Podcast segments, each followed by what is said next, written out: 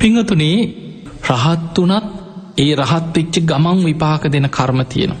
ඒ වගේ ඔබහල ඇති කැලනි තිස්ස මහරහත්තන් වහන්සේ ගැන ඉතිහාසය අපේ රටේ.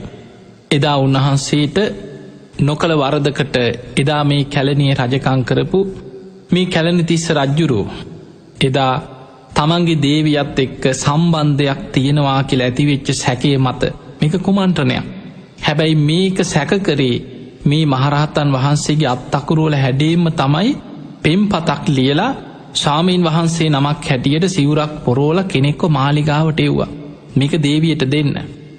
හැබැයි මේ ලියවිල්ල දැක්කට පස්සේ මේ පෙම් හසුන දැක්කට පස්සේ මේක අකුරු අක්ෂර හරියට මේ කැලනි තිස්ස එදා වැඩ හිටිය මේ මහරහතන් වහන්සේගේ අකුරුවලට සමානයි.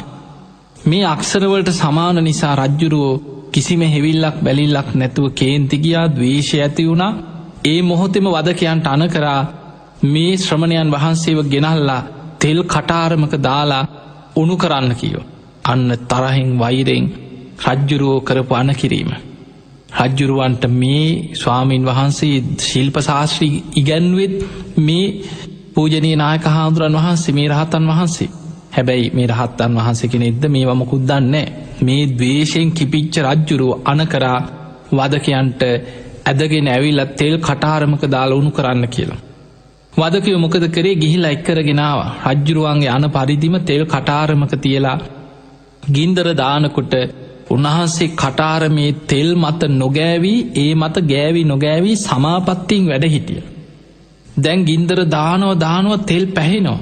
බුබුලු දානො හැබැයි උන්වහන්සේ පිලිස්සෙන්නේ අර වදකයන් ගිහිල කිව රජතුමනි හරිම පුදුමයි කීව. කොච්චර ගින්දර දැම්මත් මේ තෙල් උුණු වෙනවා ඒත් මේ ශ්‍රමණයන් වහන්සේට කිසි මහානියක් නෑ කියව. හැබැයි රජ්ජුරුවෝ කොච්චර දවේශෙන් වෛරයෙන් අන්ද වෙනවාද කියන්නේ තරහ වෛර ඇති වුණාට පස්සේ කෙනෙක්ගේ ගුණයක් පේෙන් නැතුව යනු. රජ්ජුරෝ කේන්තියෙන්ම තවත් අනකරත් තවත් ගින්දර දාපල්ල කියෝ.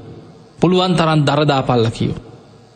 ඒ වෙලාවේ උන්වහන්සේ සමාපත්තිීම වැඩයින්දිමින් විමසල බැලුවා ඇයි මට මේ වගේ නොකළ වරදකට මෙහෙම දඩුවමක් ලැබුණේ. මං පෙරකරපු අකුසලයක්ද කියලා ආපස්සට සංසාර ජීවිත බලාගෙන බලාගෙන ගිය. බලාගෙන යනකොට උන්වහන්සේගේ ආවිෂත් ගෙවිලා ඉවරයි. හැබැයි උන්වහන්සේ දැක්ක මේ තමන් වහන්සේ පෙරකරපු සංසාරික අකුසලයක්. එදා ගොපලු තරුණයෙක් වෙලා පෙර ආත්මික ඉපදිලා හිටපු වෙලාවේ. කිරි දෝල කිරි උුණු කරනකොට මැස්සෙක් ඇවිල්ල මේ කිරි එකට වැටෙනවා. මැස්ස වරගෙන තියෙනවා. අරන් තිබ්බට පසේ ආයමත් කැරකිලා ඇවිල මැස මේකටම වැටෙන. එහෙම දෙවතාවක් විතර වෙනකොට කේන්තියක් ඇති වෙන මේ මැස්ස ගැන අයිංකර අයිංකරා මේ මැස ඇවිල්ල මේ කිරියකටමයි වැටෙන්නේ කියලා අර මැස්සත් එක්කම උුණු කරා.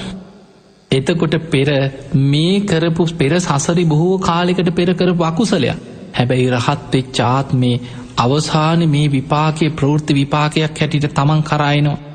උන්හන්සේ දැනගත්ත මේක මමම පෙර සසරි කරපු අකුසල විපාකයක් මගේ පස්සෙන්ගෙන්. උන්වහන්සේ ඒ කටාරම මත්තම පිරිනිවන් පෑව අධිෂ්ඨාන කරගෙන එකට මූුණ දුන්න පිරිනිවන් පෑව. උන්වහන්සේ පිරිනිවන් පානවත් සමගම උන්වහන්සේගේ ශරීරය දැන් රජ්ජුරුවන්ට වදකයෝගහින් කිව හරි රජතුමනි වැඩේ හරිකිවා. රජ්ජුරුව තවත් කේන්තියෙන් කිව අත පය කපල කෑලි කෑලිවට විසිකර පල්ලක මුහුදට. එදා මේ කුපිත වෙච්ච රජ්ජුරුව මේ මහරහත්තන් වහන්සේ පිරිනිවන් පාපු මේ මහරහත්තන් වහන්සේගේ ශරීරේ. කොටස් කෑලි කෑලි වෙන් කරලා මුහුදට විසිකරපු වෙලාවේ සමුද්‍රවානිජ දේවතාවරු කුපිත වුණා. මුහුද ගොඩ ගැලුව කෙලො බහල ඇත්.